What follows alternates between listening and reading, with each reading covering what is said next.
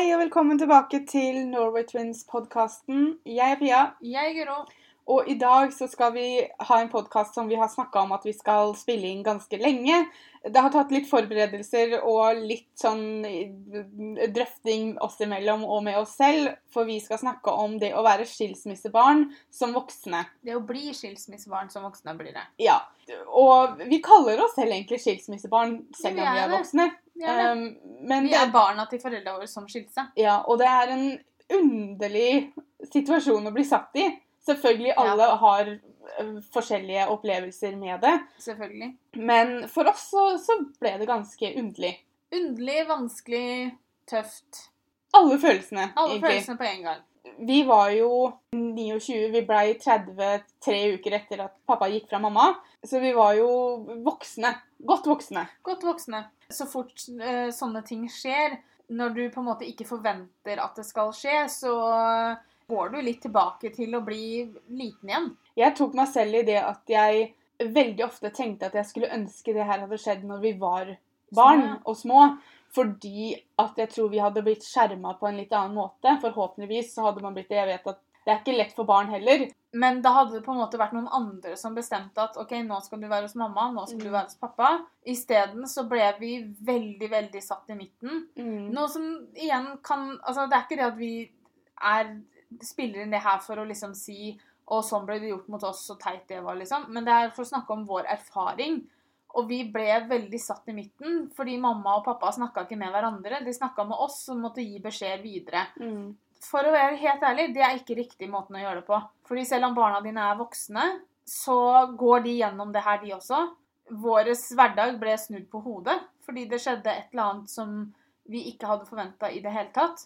Og da når disse beskjedene kom som vi måtte gi videre til mamma, eller disse beskjedene kom som vi måtte gi videre til pappa, så ble ikke det Det er ikke vår jobb, på en måte. Nei, og det gjorde det ikke noe lettere for oss. Nei. På grunn av vi ble så satt sånn i midten, så var det jo veldig lett for meg og Pia å på en måte Når vi to var sammen, bare jeg og Pia, så snakka vi veldig lite om det.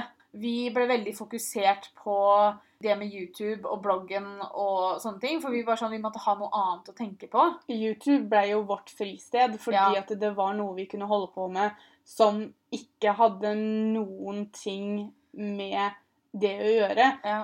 Og det var jo rundt det tidspunktet som vi begynte å vlogge mer og mer.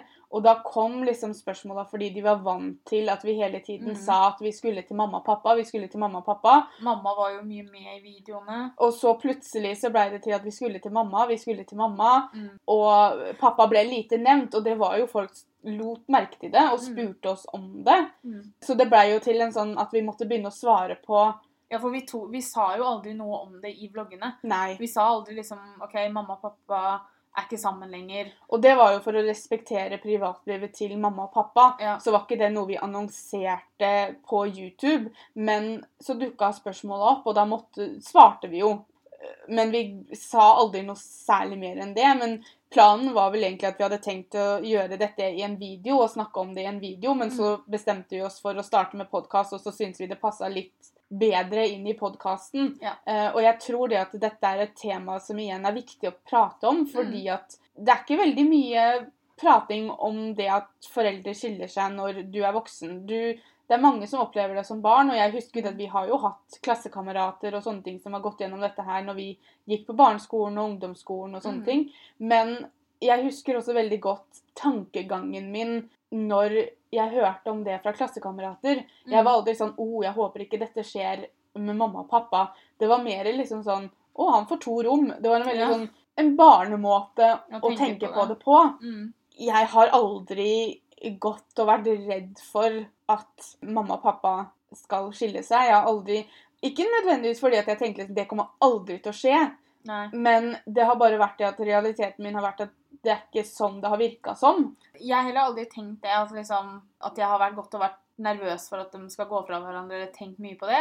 Jeg har heller hatt en sånn Skjer det, så skjer det. Mm. Men jeg var ikke forberedt på hvordan det kom til å være når det skjedde. Jeg trodde vel kanskje at det kom, hvis det skulle skje, da, at det hadde vært mye annerledes. Jeg tror ikke jeg hadde et realistisk syn på hvordan det kom til å bli hvis det skjedde. Det er en situasjon som jeg tror er veldig vanskelig å forestille seg. Mm.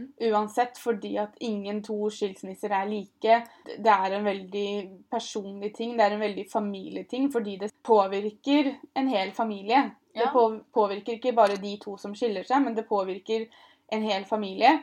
For oss som har vokst opp med en familie som har vært veldig, veldig nære hverandre, Mm. vi har jo alltid vært mye sammen. Vi har sett eh, mamma og pappa flere ganger i uka, spist middag Mm. flere ganger i uka. Det er sånn vi har vokst opp, til og med når vi flytta hjemmefra. Så vi så dem jo mye. Ja. Og hvis vi ikke hadde sett dem på et par dager, og vi savna dem, så kjørte vi innom. Og det var jo en ting som forandra seg fordi pappa flytta til Oslo. Mm. Og plutselig så var det ikke bare å kjøre innom hvis jeg savna han. Og jeg var ikke vant til å savne pappa. Nei, og så var det jo liksom litt det der med at uh, det tok jo lang tid før vi så han. Han Ja. kom til Moss når det hadde gått Det var ganske lenge, var det ikke det? Han kom i forbindelse med bursdagen vår, så det hadde Ja. vel gått en Måneds tid. Og da kom han til Moss og møtte oss, og vi gikk ut og spiste. For første gang så føltes det veldig rart å være Mm. sammen med pappa, fordi at Den første gangen var Veldig rar. rar. For det var jo ikke det at- vi nødvendigvis var Eller jo, jeg var sinna. Mm. Jeg følte veldig mye sinne og skuffelse, men han var jo fortsatt faren min. Ja. Så det, var jo, det er jo ikke noe som forandrer seg. Det også tror jeg jeg alltid Jeg vet ikke hva jeg skal kalle det, men jeg, jeg kunne nok sagt mer hva jeg syns og hva jeg mente til pappa, enn jeg gjorde. Ja, Men det kunne jeg gjort òg. Eh, Jeg endte opp med å sende en mail der jeg var ærlig, for jeg syntes det var lettere enn å skulle si det til ansikt til ansikt. Mm. Men jeg kunne nok sagt mer. Men jeg ble for opptatt av at jeg ville tilbake til det forholdet til pappaen min som jeg hadde før, Mm. og valgte derfor å ikke fokusere på det negative for mye, fordi Ja. at jeg ville på en måte bare gå videre. Men det er også litt min natur å ignorere det vonde og bare prøve å komme seg Mm. forbi, fordi at jeg liker ikke å tenke på det. Hvis jeg skal komme med et tips, da Hvis det er sånn at man blir skilsmissebarn i voksen alder, så tror jeg det vil være det å ikke legge skjul på følelsene dine, Mm. selv om foreldrene dine har det vondt. Så ikke legg skjul på at du også har det vanskelig. Nei, for det Ikke, og he, ikke, heller ikke være redd for å si ifra. Vi skulle vært flinkere til å si ifra at unnskyld meg, men det her er faktisk noe dere må ordne opp i. Dette her er ikke noe som kan, jeg og Pia kan ta tak i. Det her må dere snakke om sammen. ja. At vi skulle vært flinkere til å si ifra om det. Isteden så ble vi sånne sekretærer som fløy fram og tilbake, og som tok imot beskjeder, og som ga beskjeder videre, og Det blir feil for meg. Jeg har full forståelse for at mamma hadde det fælt. ja. Det er jo ikke det det går på. Det går på det at vi var fortsatt barna dømmes. Man skal absolutt lene seg på og støtte, og man skal selvfølgelig stille opp på sånne ting, men vi ble på en måte dratt inn i situasjoner som vi ikke hadde noe med. ja. Og så jeg syns man skal være flinke til å si ifra om det. At liksom Hør her, jeg er kjempeglad i deg, eller jeg er kjempeglad i dere, men akkurat det her må dere ta tak i selv, for det her kan ikke jeg blande meg opp i. Mm. Og det hadde sikkert gjort veldig vondt både for meg å si og for dem å høre, ja. men det angrer jeg på at jeg ikke gjorde, at jeg var flinkere til å si ifra at Hei, husker dere meg? Jeg er ungen deres, liksom. Ja, for det er jo det som er, at vi følte oss jo lite grann glemt oppi alt kaoset. Så ikke nødvendigvis det at de glemte at de hadde barn, men de glemte at vi var barna Barna. deres. Ja. Og derfor så ble vi kanskje brukt til ting som vi ikke burde vært brukt til. ja. Det er på en måte noe som sikkert er litt annerledes siden du er voksen enn når du er barn. Du Men forstår- samtidig så tror jeg også det at i de verste situasjonene så vet jeg også det at barn kan bli brukt mot ja. den andre parten. Og, og det har jo vi sluppet unna sånn sett. Ja, også fordi vi er voksne, så Mm. skjønner man problemene mye mer. Man skjønner alle disse tinga som dukker opp underveis, mye mer enn når man er barn. Mm. Man skjønner liksom den økonomiske delen, man skjønner den følelsesmessige delen. Man skjønner, man skjønner så mye mer av sånne ting enn når man er barn og blir på en måte I dag skal du være hos pappa, og i dag skal du være hos mamma. ikke sant? Du forstår mye mer. Du har kanskje sett flere som har vært gjennom det samme. Du har liksom erfaringer selv med kanskje brudd. Allikevel, selv om du skjønner det mer, så betyr det ikke det at du bør dras inn i alt. Dagen det skjedde, så um, dro jeg og Pia rett opp til Kent og Kristine. For vi, vi fikk litt sånn Vi kunne ikke være alene, for, og vi kunne ikke dra til mamma, for mamma ville være i fred. Og det Mm. skjønner jeg veldig godt. For verden hennes hadde i hvert fall blitt snudd på hodet. Ja. Så vi ble litt sånn vi kan, ikke, vi kan ikke sitte her, vi kan ikke sitte her. Så vi dro opp til Kent og Kristine og var der. Instinktet mitt har alltid vært å se Kent og Kristine når ting blir uforståelig. Ja. Jeg dro jo, vi dro jo rett opp dit når det ble slutt mellom meg og forloveden min også. Så var jo det første instinktet mitt, og det var jo seint på kvelden. Eh, Det her var jo på ettermiddagen, men Kent og Kristine tok oss imot med åpne armer, og vi fikk sitte der oppe og spise middag, og vi fikk prata det vi trengte å prate. ja. Det var vel såpass Vi var Vi vel vis- i sjokk, så Ja. vi hadde ikke så mye å si. Vi visste jo veldig lite også på det Ja. tidspunktet der. Så visste vi jo Vi visste at pappa flytta til Oslo. Mm, På en måte. Noe annet visste vi ikke. nei. Det ble så uforståelig, som Pia sier, da. At, Det er vanskelig å eh, fordøye følelser når du ikke du vet hva nøyaktig du skal ha følelser om. Ja. Det eneste vi visste, var at OK, mamma og pappa var plutselig ikke sammen Mm. lenger. Vi visste ikke helt hvorfor, vi visste ikke hvordan, vi visste ikke noen ting egentlig, unntatt at plutselig pappa skulle bo i Oslo. Mm. Hva betydde det? Hva ville det si for oss? Kommer vi til å se en sjelden? Kommer vi til å se en ofte? Kommer vi Mm. til, altså, hva, det var så mye som ikke vi skjønte. Ja. Men en ting som jeg er veldig glad for at vi gjorde, var at eh, det var vel bare en eller to uker etterpå, så tok vi med Jeg sier at vi tok med, men altså jeg, Pia og mamma dro til Fjellbakka i Sverige på en sånn liten tur bort. Eh, Det var vel i påska. Ja. Og da dro vi bort bare for å komme oss ut av Moss litt. Komme litt bort. Selvfølgelig, mamma var ikke seg selv sånn sett. Nei. Men det var første gangen vi ikke bare fokuserte på vondtene, på en måte, da. Mm. Noe som var veldig fint. Vi kunne bli litt distrahert. Og det også er et tips at prøv å gjøre Ikke nødvendigvis normale ting, men prøv å gjøre noe. Vær sammen med foreldrene. For selvfølgelig, man skal ikke isolere seg helt bare fordi du er barna og ikke skal ha noe med det å gjøre. Vær der for foreldrene dine allikevel. Mm. Eh, men prøv å ikke bare prate om det. Og, det. og det høres veldig fælt ut å si, men hvis man skal prate om det som har skjedd, hvis man skal ha behov for å prate om skilsmissen, om det som har skjedd rundt det, så har man venner. Igjen føler meg veldig slem som sier det, men samtidig så det er viktig å legge Det er, det er så viktig, og det, det er en erfaring vi har lært oss Mm. at det er så viktig å faktisk skille mellom hvem man kan prate med om ting. Jeg angrer ikke på at jeg var der for mamma. Nei, ikke heller. Jeg angrer ikke på, på det at mamma prata, kunne prate med meg. Men jeg ser i ettertid at bare med tanke på det at jeg holdt litt tilbake med pappa, da. Jeg satt jo med dårlig samvittighet hvis jeg sendte meldinger med pappa som ikke var sånn sinte. Ikke Mm. sant? Eller hvis jeg snakka med pappa på telefon, eller hvis, jeg hadde, hvis vi skulle treffe pappa, så var det veldig mye dårlig samvittighet. Og det syns jeg blir litt feil, da. Fordi at han var jo fortsatt pappaen min. Ja. Ikke sant? Altså Når foreldre skiller seg, så skiller de seg ikke fra barna. Barna er fortsatt eh, like stort ansvar Nå var vi 30 år, da, så, så veldig stort ansvar hadde de kanskje ikke. Men forholdet du har til ungene dine, er alltid annerledes enn det du har til ektemannen eller kona di. Det skillet må man huske på. Fordi at det, Altså, jeg, jeg angrer ikke på noe, men samtidig så ser jeg jo hvor vanskelig det gjorde det for oss. Og det er jo det vi skal snakke om i denne podkasten her. Det er jo det vi er på en måte ute etter å få fram nå, er hvordan hvilke erfaringer vi sitter igjen med, da. Ja. Og hva vi på en måte har lært av situasjonen vi har gått gjennom. ja, og hva denne prosessen Vi kan ikke snakke for noen andre, så Nei, vi må nei. snakke for, for oss. Og det er ikke snakk om å sitte her og legge ut om detaljer om hvordan ting ble gjort, og hvordan ting skjedde, og hva, ting, hva som skjedde. For det spiller egentlig ikke noen rolle. Det går på at kanskje vi har litt godt av å, å prate om det også. Jeg gikk jo arbeidsledig når det her skjedde.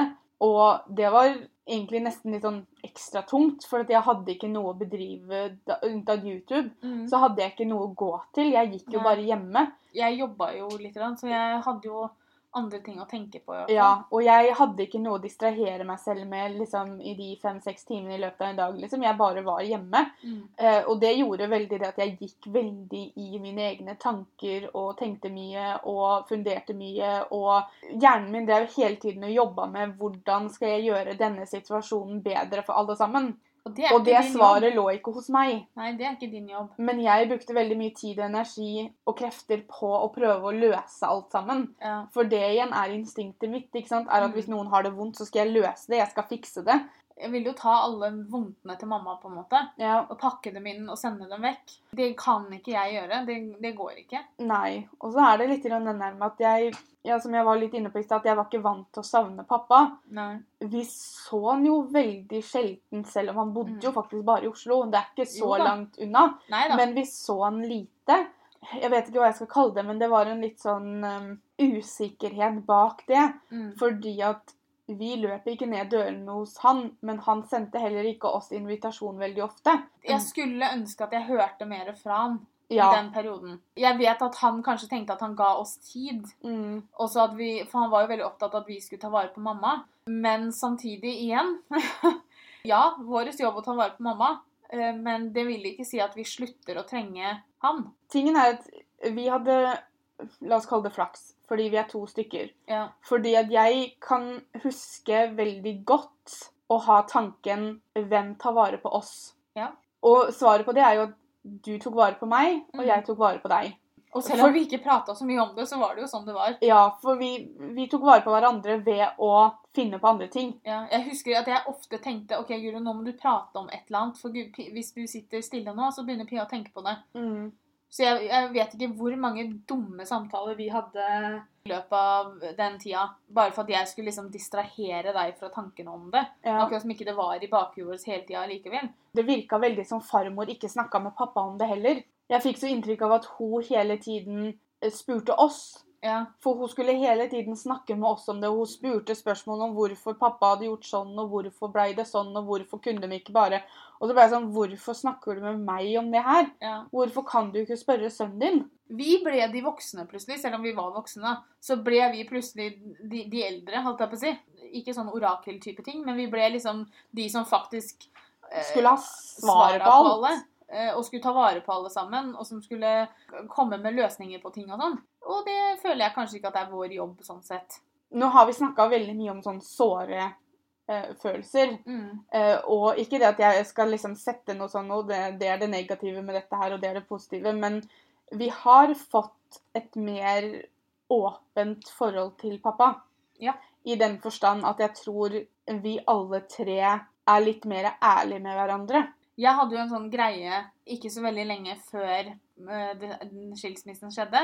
Så hadde jeg en sånn greie før hvor jeg drev og tulla med alle sammen om det at hver gang jeg sa til pappa 'jeg er glad i deg', så fikk jeg bare samme tilbake. Mm. Eller han bare sa 'samme', eller 'deg òg', eller et eller annet sånn. Han sa aldri 'jeg er glad i deg også'. Og så Han gjorde det én gang, og da skjønte jeg at mamma hadde sagt noe. Men etter det her så sier han jo faktisk det ganske ofte. Ja, og han skriver det på meldinger, og jeg vet ikke helt om jeg vil si at jeg har et bedre forhold til pappa. Vi har et mer åpent forhold. Men vi har et åp mer åpent forhold til pappa. Vi hører at han er glad i oss.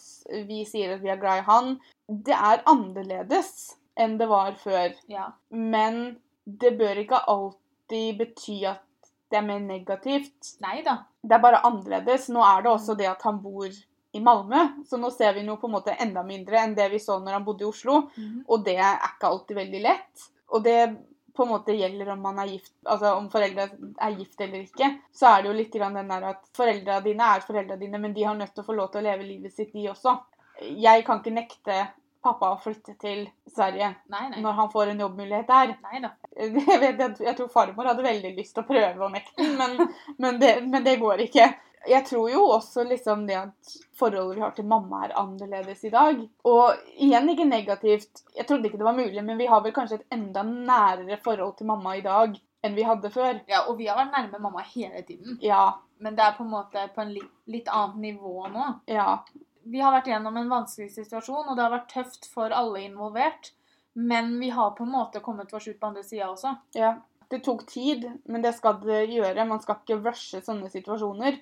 Man, alle parter må ta den tida de trenger. Mm. så må man faktisk bare smøre seg litt med tålmodighet, som mamma pleier å si. For meg og Guro kanskje spesielt, så måtte man bare sitte og vente litt. Man Ja. måtte vente til situasjonen forbedra seg for alle parter. Cirka et år etter at eh, pappa gikk fra mamma, så kom vi i den situasjonen at det var nærma seg bursdagen vår. Så hadde pappa en ny kjæreste. Og det hadde han hatt en stund. Ja, Men vi hadde unng...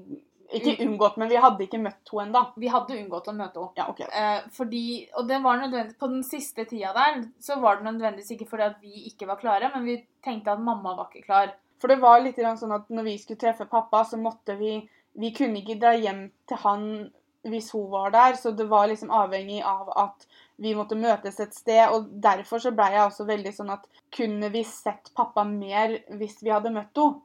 Og det var jo en av grunnene til at vi valgte å møte henne, var fordi at vi tenkte at du, vi, var, vi er nødt til å treffe dette andre mennesket som er i livet til pappa, for da kan vi se mer til pappa. Ja. Igjen, her kommer det et lite råd fra meg, da. Vær ærlig. Jeg og Pia vi hadde all intensjon om å si ifra til mamma før vi traff henne. Det skjedde ikke, for vi, vi var redde. Vi var Mm. redde for hvordan mamma kom til å reagere. Vi var redde for konsekvensene. For det her var jo som sagt rundt bursdagen vår. Eh, Så det vi tenkte, var at hvis vi sa ifra til mamma før bursdagen vår, så kom hun ikke i bursdagen vår. Kanskje litt sånn barnslige tanker akkurat der. Bare sånn Jeg vil ha mamma i bursdagen min, så jeg sier ikke noe.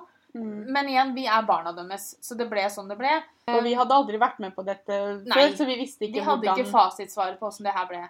Så det endte opp med at vi møtte henne først, før vi fikk satt noe til mamma. Og så dro vi til mamma for å fortelle det, og da hadde mamma en veldig bra dag. mm. Så da var jo ikke vi villige til å ødelegge den dagen, så da lot vi være å si noe da. Og så bare liksom drøya det og drøya det. Til slutt så måtte vi bare.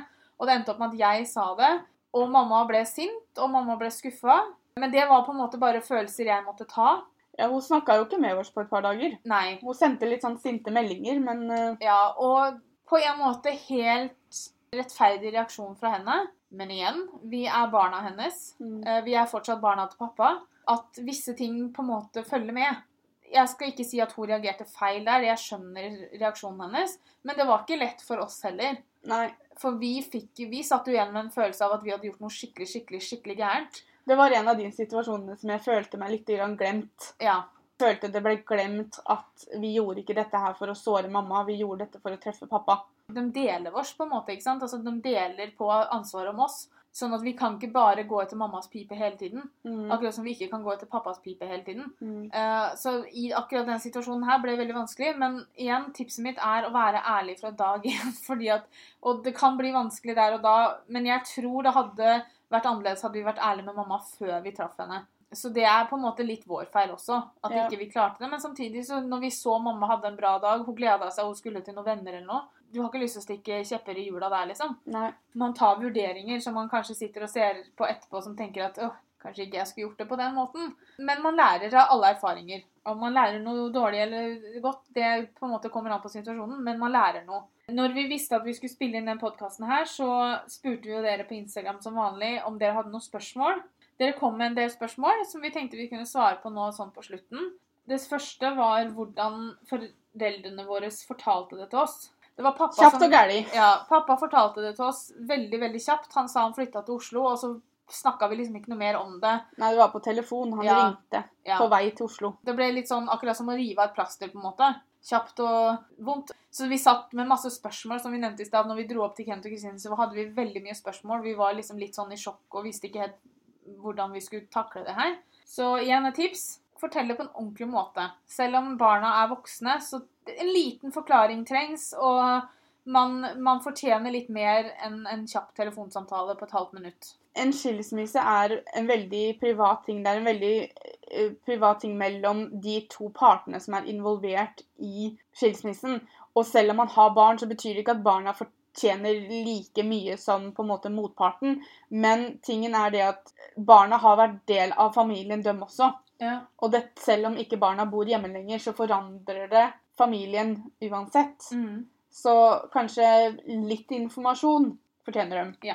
Var det like lett å holde kontakten med begge foreldrene, eller ble én forelder prioritert mer? Jeg tror ikke det går på å bli prioritert, men vi var mer sammen med den forelderen som var her. Ja, og som trengte oss mest. Så det var ikke nødvendigvis vårt valg. Og, og så var det også litt det, siden dette ikke var en gjensidig sak, Ja. så blir det jo selvfølgelig til at man er der mer for den som Har mest. trenger det mest. ja.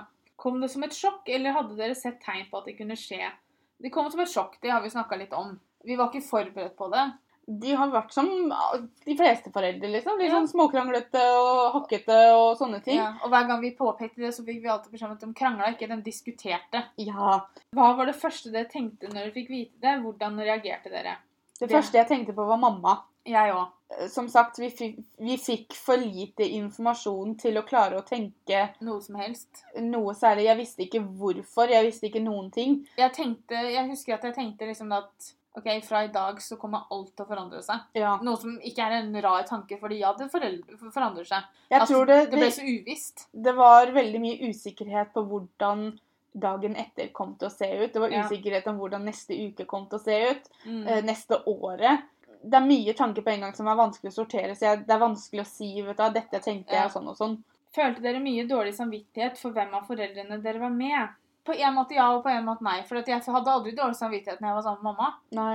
Men jeg hadde dårlig samvittighet når jeg var sammen med pappa. Mm. Og det er heller ikke riktig. Du skal ikke ha dårlig samvittighet for å være sammen med en av foreldrene dine, selv om situasjonen er som den er. Mm. Fordi at uansett hva som skjer, så kommer det alltid til å være mammaen din, og det kommer alltid til å være pappaen din. Ja. Så det å slite med dårlig samvittighet fordi du er sammen med en av dem, det er en utrolig vond følelse å ha. Og det er en veldig dårlig følelse å ha, og det er en følelse du ikke skal måtte sitte med. Følte dere noe skam over det? Det er ikke noe å skamme seg over. det. Jeg kan være så ærlig å si det at jeg har ikke noe imot at mamma og pappa ikke er gift lenger. Ikke jeg. Jeg har noe imot hvordan det skjedde, Ja. og hvordan det ble gjort. Ja. Men det at mamma og pappa er skilt, har jeg ikke noe imot sånn sett. Det å skulle legge en så La oss kalle det fæl følelse på det som skam, Mm. det er ganske heftig, syns jeg. Hvis man ser på statistikk, hvis man tenker over det, hvor mange er det ikke som har skilte foreldre i dag?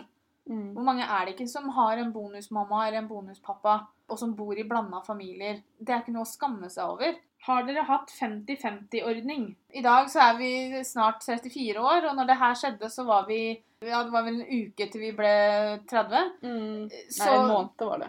Ja, en måned var det, ja. Så jeg tenker at vi trenger ikke det. Um, Vi bodde jo ikke hjemme uansett, Nei. så noe 50-50-ordning, det slapp vi. det er mer sånn vi var sånn 100% hjemme hos oss selv, vi. Men samtidig så syns jeg en 50-50-ordning er veldig greit hvis du er i alderen som det trengs. Ser dere på den nye kjæresten til faren deres som en mor? Jeg er i den alderen at jeg trenger ikke flere mødre. Jeg har én. en. Hun er flott nok. Som sagt, vi er voksne mennesker. Mm. Eh, Vi trenger ikke noe, eh, noe, noe bonusmor eller stemor eller hva det blir kalt eh, nå. Mamma er mammaen min. Kjæresten til pappa er kjæresten til pappa. Samme gjelder når mamma får seg kjæreste. Ja, ja. Den gang det skjer. Ja. Han kommer ikke til å bli noe pappa for meg uansett. Ikke meg heller. Vi har to foreldre, og det er det vi trenger. Det er kanskje en rar måte å tenke på, men jeg tenker at jeg er forbi den alderen hvor stemor og stefar og sånn kommer til å være aktuelt. Ja, for er ikke det mer liksom sånn hvis man hadde bo ja, bodd 50-50, da? At man skulle bodd hos dem? Jo, det er ikke bare det, men altså, jeg tenker altså Nei, jeg vet ikke. Men jeg bare, kanskje jeg tenker rart om det. Nei, men jeg er helt enig. Så kanskje vi er rare, da. Ja. Jeg vet. Ble dere lei dere deprimert da dere fikk nyhetene? Jeg ble selvfølgelig veldig lei meg på mamma sine vegne. Jeg ble lei Mm. meg for våres vei nå. Det hadde det kanskje vært bli- litt rart hvis ikke vi hadde blitt lei oss. Ja, hvis vi hadde gått og håpa på det, så hadde vi jo Det hadde vært litt rart. Jeg ble ikke deprimert der og da, men jeg gikk gjennom en periode der jeg var deprimert senere. Ja. Jeg var deprimert når jeg begynte på Lampemagasinet. Jeg fikk den jobben i november. Det blei også litt redningen min. Det var det som gjorde at jeg kom ut av depresjonen. Fordi at jeg slapp å være hjemme hele tiden. Og det hjalp ikke i det hele tatt. Så jeg hadde noen måneder der som var veldig mørke. Selvfølgelig. Selvfølgelig blir man lei seg. Ja.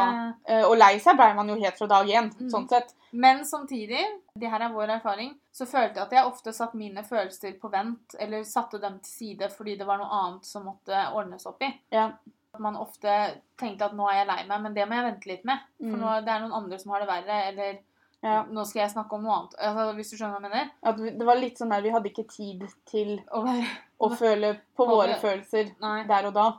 Og sånn helt til slutt så tenkte vi at vi skulle svare på hva var vanskeligst. Hele situasjonen. Altså, altså det var en vanskelig periode, det har vi sagt flere ganger nå. Mm. Men jeg tror kanskje det aller, aller vanskeligste var å se mamma Mm. så lei seg. Ja. Det er ikke morsomt. Å se mamma så lei seg og ikke vite hva man kan gjøre for å gjøre det bedre. Fordi det er naturlig instinkt er å prøve å skal fikse ting. Mm. Når man vet at uansett hva jeg gjør nå, så kommer ikke det til å skje. Og det er så mye tanker, det er så mye følelser som spinner oppi hodet ditt hele tida. Mm. At det er vanskelig å sortere ut, og det er vanskelig å kjenne på det. Altså, jeg kan fortsatt i dag, og nå er det hva da, fire år siden snart, Mm. fortsatt i dag få en sånn bølge av liksom Ikke det at jeg blir lei meg over det, men jeg, plutselig så kan jeg få en litt sånn Oi! Ikke sant? At du nesten kommer på det på nytt. Ja. Rett etter at det skjedde, så var det så mye som sto på at du hadde ikke tid til å sortere alt oppi hodet ditt. Hvis jeg skal liksom oppsummere hva erfaringene mine har lært meg, så er det vel det at du skal ta deg tid til å kjenne på det, du også. Ta deg tid til å føle det. Ta, ta deg tid til å komme deg gjennom det, du også. Selv om du er voksen. Selv om du, du er kanskje eldre enn meg og Pia til og med når det her skjer. Du er fortsatt barna deres. Og du får lov til å føle det sånn som du føler det. Ja. Og ikke vær redd for å si ifra. Ikke vær redd for å snakke om hvordan du har det også. Si ifra hvis det blir litt mye. Så ønsker jeg deg lykke til. Altså, Det er jo vanskelig å sitte og lage en guidebok på Ja, eller en guidebok, en guide på akkurat det her. Fordi Vi har ikke fasitsvar. Alle situasjoner er ulike, og Ja. det er veldig individuelt. og noen har på en måte sett tegna og vet at det kommer, andre blir det et totalt sjokk for. Jeg vet ikke helt hvor mye logisk rekkefølge det har vært på den podkasten her engang. Nei. Men det er ikke så mye logiske følelser rundt det heller. så Nei, liksom det er litt sånn- kaos. Det er vanskelig å være logisk. Ja, og det her er sikkert noe vi kommer til å prate om igjen i forbindelse med kanskje noe annet eller noe Mm. sånt noe. Nå har vi i hvert fall fått lufta litt grann av våre egne følelser, og kanskje hjulpet noen andre som er i lignende situasjoner, som skjønner at vet du, det her er helt naturlig, det jeg føler det. Mm. Og så får vi bare si tusen takk for at dere har tilbrakt litt av dagen deres sammen med oss. Mm -hmm. Vi er tilbake neste søndag, og så snakkes vi. Ha det. Ha det!